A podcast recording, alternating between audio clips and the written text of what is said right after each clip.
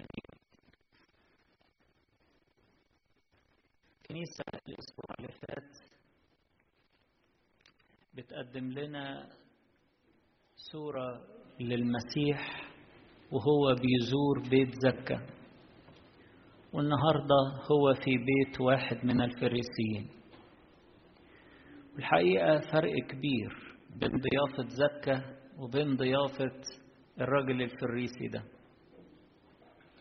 أولا زيارته لبيت زكا ما كانتش مترتبة لكن هو شاف اشتياق زكا فقال له خلاص أنا النهاردة أكون عندك. وزكا كان صادق في إنه يستقبل المسيح ويديله حياته وقلبه. وبعد الزيارة دي حياة زكا اتغيرت بالكامل. في حين الراجل الفريسي بتاع النهاردة ودي كانت حاجة معتادة عند الفريسيين اللي بيحبوا الافتخار وبيحبوا المتكئات الأولى وبيحبوا الكرامة الأرضية ومتكبرين ومحبين للمال. كانوا يحبوا يدعوا المسيح عندهم عشان يفتخروا بكده. ده المعلم. اللي لسه مقدم وعظة في المجمع. غالبا الزيارات دي كانت بتبقى يوم السبت بعد المجمع في المساء. فمشهور المسيح جدا وبيعمل معجزات وبيوعظ وبيقول كلام محدش بيتكلم بسلطان. فلما يدعوه الفريسيين بيدعوه علشان يفتخروا إن هم دعوه دعوا كبار البلد.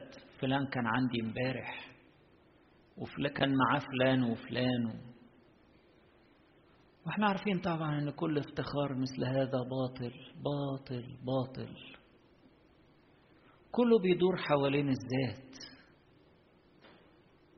هو مش مركز على شخص المسيح هو مركز على ذاته.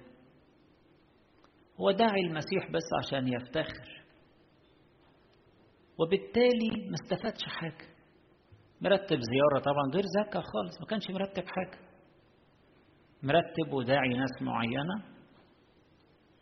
و كله لتمجيد نفسه. ولذلك حتى قعدته كانت ما فيهاش تركيز على المسيح عشان يستفاد منه حاجة. بالعكس ده كان بيدين المسيح. يقول ده لو هو نبي كان يعرف إيه اللي بيحصل ده ومين دي اللي بتلمسه.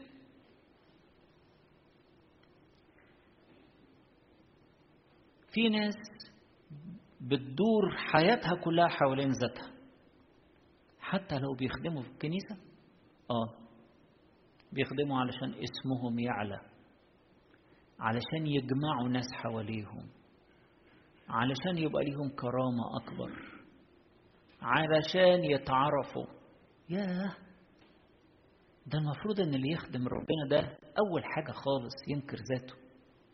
ده أول حاجة في التلمذة السيد المسيح بيعلمها لنا اللي عايز يجي ورايا ينكر ذاته اولا ويحمل الصليب ويتبعني. لكن ما أخطر إن الإنسان يكون حياته كلها بتدور حوالين ذاته وتمجيد ذاته وشهرته واسمه ويدور على الكرامة والمجد من الناس. مش يطلب المجد من الإله الواحد. فرق شاسع. زكا كان صادق الفريسي ده ما كانش صادق في تبعيته للمسيح ولا في تركيزه على المسيح. زكا أنكر ذاته من البداية مع أنه كان راجل كبير يعني في البلد وغني. لكنه من البداية استهان بكرامته وطلع فوق الشجرة. ولما المسيح قال له أسرع وانزل حاضر يا رب. لو واحد ذاته كبيرة شوية يقول لك يعني إيه أسرع وانزل يعني؟ أنت تديني أوامر ولا إيه؟ ما يقبلش بسهولة. وبعدين هتجيلي دلوقتي لا وأنا this is short notice.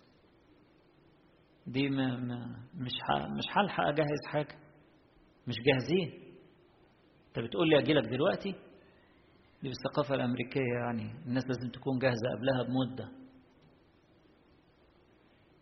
لا حاضر يا رب يقول لك نزل وقبله فرحا. فرحان ده شرف. إن المسيح يجيله لما قرب بقى من المسيح وسمعوا وعرفوا بس خلاص زي ما كنا بنحكي الأسبوع اللي فات لقى اللؤلؤة الكثيرة الثمن فرخصت الدنيا كلها قدامه. في حين إن الفريسي ده مستوى تاني بقى خالص متعلق بالماديات وبالمظاهر بالكرامة الأرضية. ومش عاجبه إن المسيح في بيته وتدخل واحدة سمعتها مش كويسة وتيجي من ورا تحت رجليه وتسكب دموعها وتحط طيب وقبلات للرجلين للمسيح مش عاجبه الكلام ده. متعالي وبيدين الناس. في حين واحد زي زكا أدان نفسه. قال أنا عارف أنا ظلمت ناس كتير. كل واحد ظلمته وغلطت فيه يجيلي أنا هديله أديله أربع أضعاف. ياه! شوفوا المستوى بتاع اتضاع واعتذار واعتراف بالخطأ وتصليح للخطأ. حاجة مختلفة خالص. راجل فريسي النتيجة بقى. النتيجة إنه ما استفادش أي حاجة. زكى تاب واعترف وبقى تلميذ للمسيح وأعلن حبه للمسيح وحبه للمسيح خلاه يستغنى عن الدنيا كلها. لأن اللي بيتغني بحب المسيح ما بيدورش على حاجة تانية في الدنيا. في حين الفريسي لا توبة ولا اعتراف ولا تلمذة للمسيح بالعكس إدانة ولا في حب. ولا في حب حتى واحترام. السيد المسيح بلطف وبذوق شرح له وقال له شايف الست دي اللي انت مش عاجباك؟ طلعت أفضل. أنا دخلت بيتك ما ضيفتنيش حتى ما غسلتليش رجليا طبعا الطرق كانت تراب زمان بيلبسوا صنادل.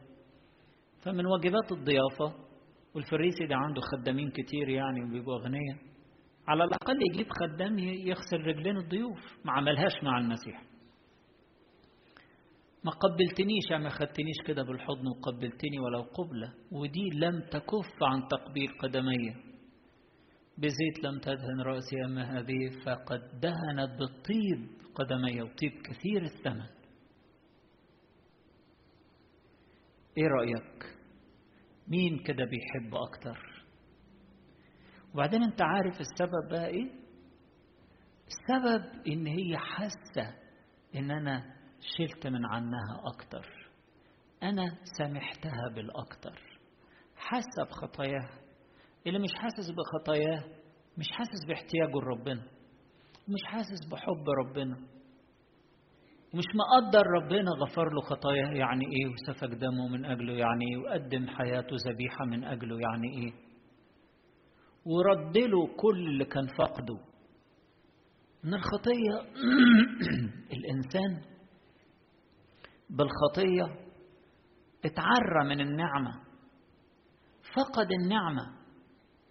ربنا كان عطينا نعمتين كبار. نعمة الوجود خلقنا من العدم. والنعمة الثانية إنه خلقنا على صورته. خلقنا على صورته. الخطية عرتنا من النعمتين. فصلتنا عن الله مصدر حياتنا فنرجع للعدم. وشوهت الصورة بتاعت ربنا اللي إحنا مخلوقين عليها فبقى شكلنا وحش. بقى كل الحاجات اللي جوانا فيها ميول رديئة مشوهة. عايزين ننتقم وعايزين نتكبر وبنشتهي وحاجات وحشة ميول وحشة. التشوه ده والحاجات دي نتيجة الخطية. السيد المسيح جه عشان يرد لنا النعمة دي. هو ده الدين اللي دفعه عننا. الدين اللي حاجة اللي إحنا كنا خسرانينها وردها لنا تاني. اللي كنا خسر النعمة اللي إحنا ضيعناها ورجعها لنا تاني. اللي مش حاسس كده بيبقى مش حاسس إنه محتاج المسيح. وبالتالي مش حاب حب المسيح لسه ما لمسش قلبه. عشان كده لما عطى لسمعان المثل بتاع الاثنين اللي كانوا مديونين واحد مديون بخمسمية والتاني بخمسين يعني العشر. فلما السيد يسامح الاثنين يبقى مين فيهم هيحب السيد أكتر؟ فالراجل فكر وقال آه اللي, كان عليه أكتر. قال له بالصواب حكمت. فاللي حاسس إن ربنا سامحه بالكتير اللي حاسس بخطاياه اللي حاسس إن هو اتعرى من النعمة اللي حاسس بضعفه هو ده اللي حب ربنا يلمس قلبه. إن ربنا بيسامح الكل ربنا بذل نفسه عن الكل بس مش الكل بيستفيد مش الكل بيحس بحب ربنا. طب ما المسيح مازال فاتح أحضانه على الصليب. مازال كل يوم على المسبح بيقطع نفسه حتت كده ويدينا عشان نثبت فيه وهو فينا. بيحبنا حب لا نهائي محبة أبدية. لكن مش كل الناس حاسة. اللي حاسس هو اللي قدامه خطاياه اللي عارف قد إيه ربنا سامحه سامحه بالكتير ستره. ردله تاني ثوب النعمة.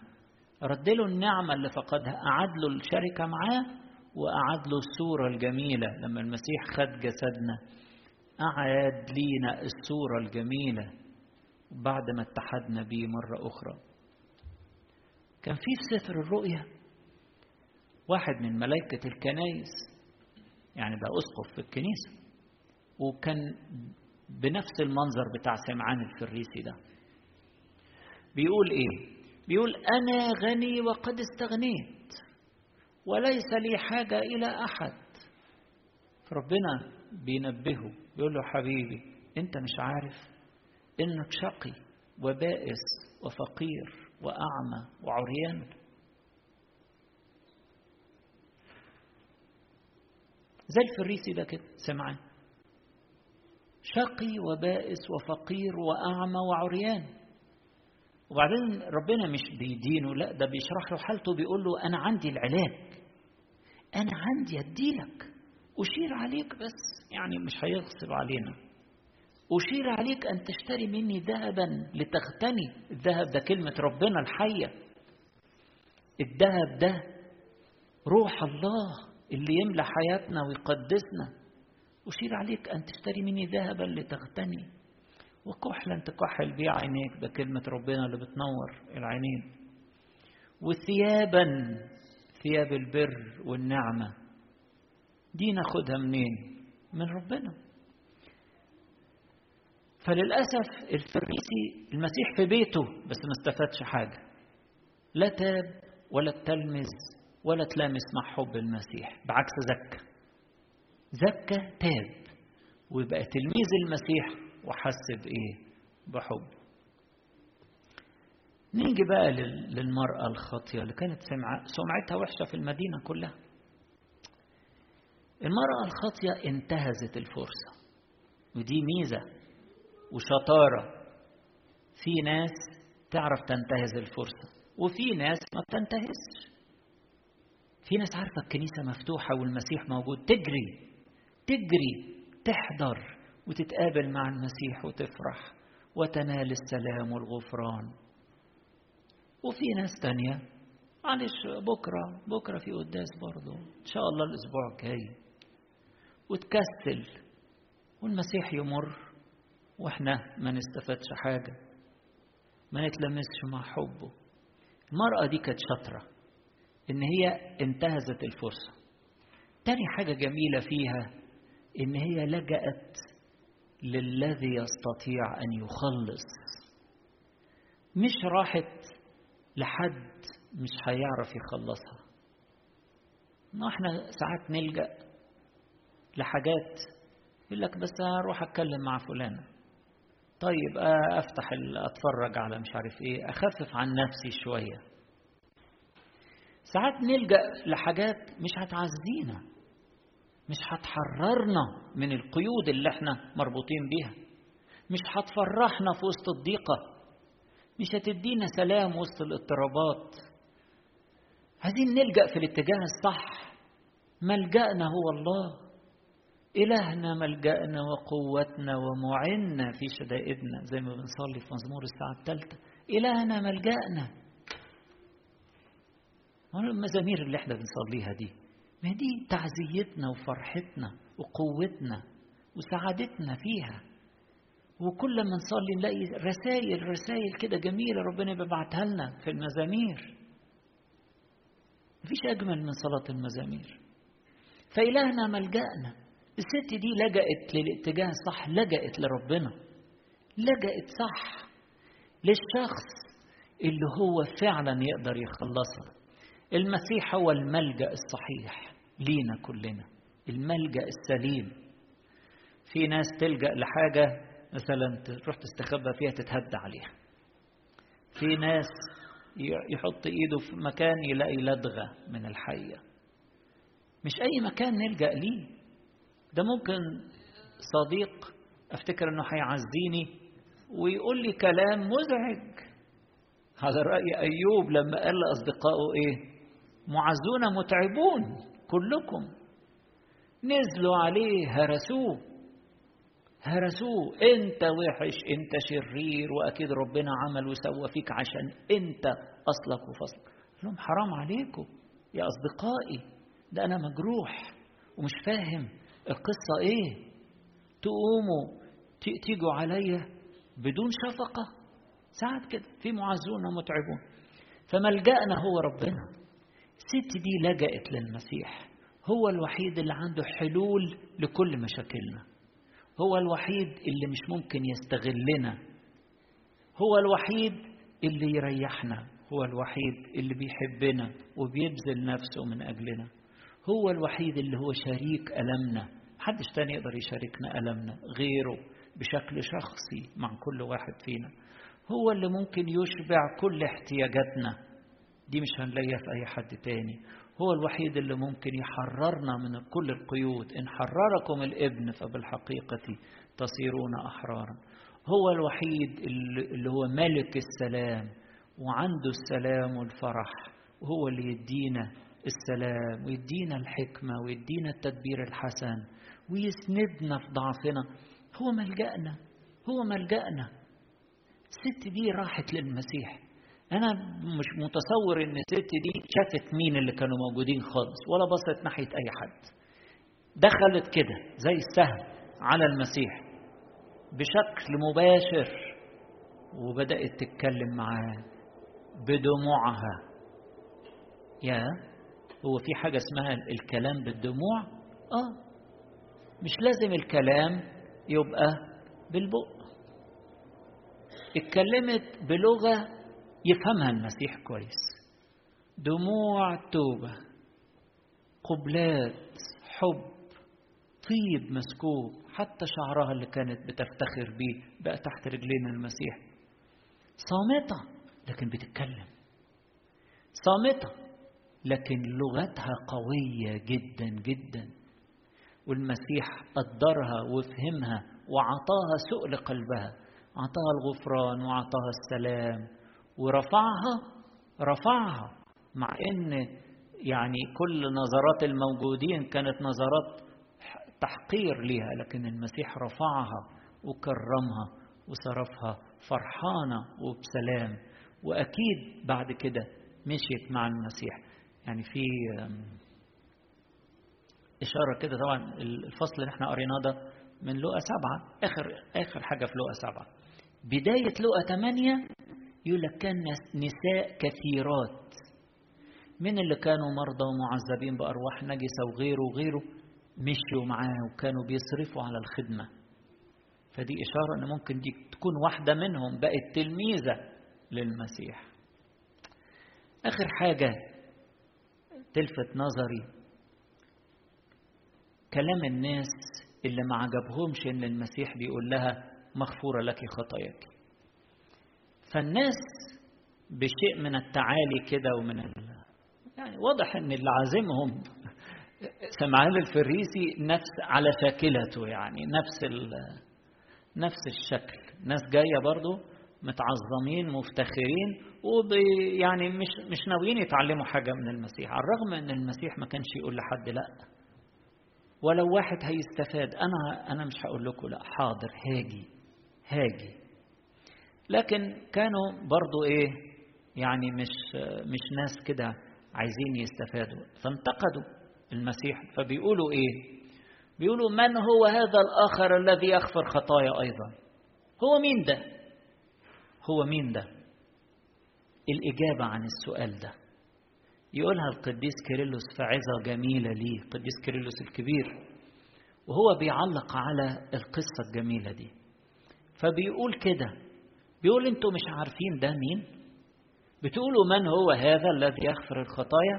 أنا أقول لكم هو مين. شوفوا كده. هل تريد شوفوا يقول لنا إيه القديس كيرلس هل تريد أن أخبرك من هو هذا؟ إنه هو الذي في حضن الله الآب المولود منه بالطبيعة والذي به كان كل شيء. هو الذي يملك سلطانا مطلقا وتسجد له كل خليقة في السماء وعلى الأرض. هو العظيم ده وهو قد أخضع نفسه لحالتنا. يعني نزل نزل نفسه صغر نفسه على رأي القديس أبو مقار في عظاته.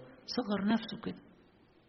هو الذي أخضع نفسه لحالتنا وصار رئيس كهنتنا عشان يقدم نفسه ذبيحة. هو اللي بيقدم لنا نفسه هو رئيس الكهنة. كتير من الآباء يقولوا لنا كده. اللي بيناولنا مش أبونا فلان ولا أبونا علان. ده اللي بيناولنا جسده ودمه هو رئيس الكهنة الأعظم هو المسيح بنفسه. هو الذبيحة وهو الكاهن وهو اللي بيقدم نفسه لينا عشان نتحد بيه. قد صار رئيس كهنتنا لكي يقدمنا إلى الله طاهرين وأنقياء. لما نتحد بيه الذبيحة دي بتتقدم لله. الذبيحة دي عبارة عن إيه؟ إحنا اللي ثابتين فيه بنتقدس وبنتطهر فيه وبنقدم لله الآب. أطهارا وأنقياء. إحنا الضعفاء. لما نتحد بيه تضمحل الخطية من أعضائنا. تضمحل الخطية من أعضائنا. ونتنقى ونتقدس ونبقى كلنا ذبيحة حب لله. مقدمين لله. فشوفوا الكلام هو أخضع نفسه لحالتنا. أنتوا عايزين تعرفوا ده مين بقى بالظبط وصار رئيس كهنتنا لكي ما يقدمنا إلى الله طاهرين وأنقياء إذ قد أبطل رائحة الخطية النتنة وجعل نفسه فينا رائحة طيبة. لما اتحدنا بيه أبطل رائحة الخطية النتنة وخلانا ريحتنا حلوة من نعمته من طهارته خلى ريحتنا حلوة. بقينا فيه رائحة المسيح الزكية. إحنا بعيد عنه ريحتنا وحشة خالص. ريحة الخطية نتنة لكن إحنا في المسيح رائحة زكية. فشوفوا يقول إيه؟ يقول أبطل رائحة الخطية النتنة وجعل نفسه فينا رائحة طيبة. عشان كده اعترفوا به. أنتوا عايزين تعرفوا مين ده؟ أنا قلت لكم أهو. اعترفوا به أنه الله وهو اللطيف جدا والمحب للبشر. امسكوا بطريق الخلاص. اهربوا من الناموس الذي يقتل واقبلوا الإيمان الذي هو فوق الناموس. المسيح يقول كده التطهير الروحي في المسيح. الشيطان قد ربط سكان الأرض بقيود الخطية والمسيح فك هذه الحبال. إنه دعانا أحرارا وأبطل طغيان الخطية علينا وطرح المشتكي الذي يشتكي على ضعفتنا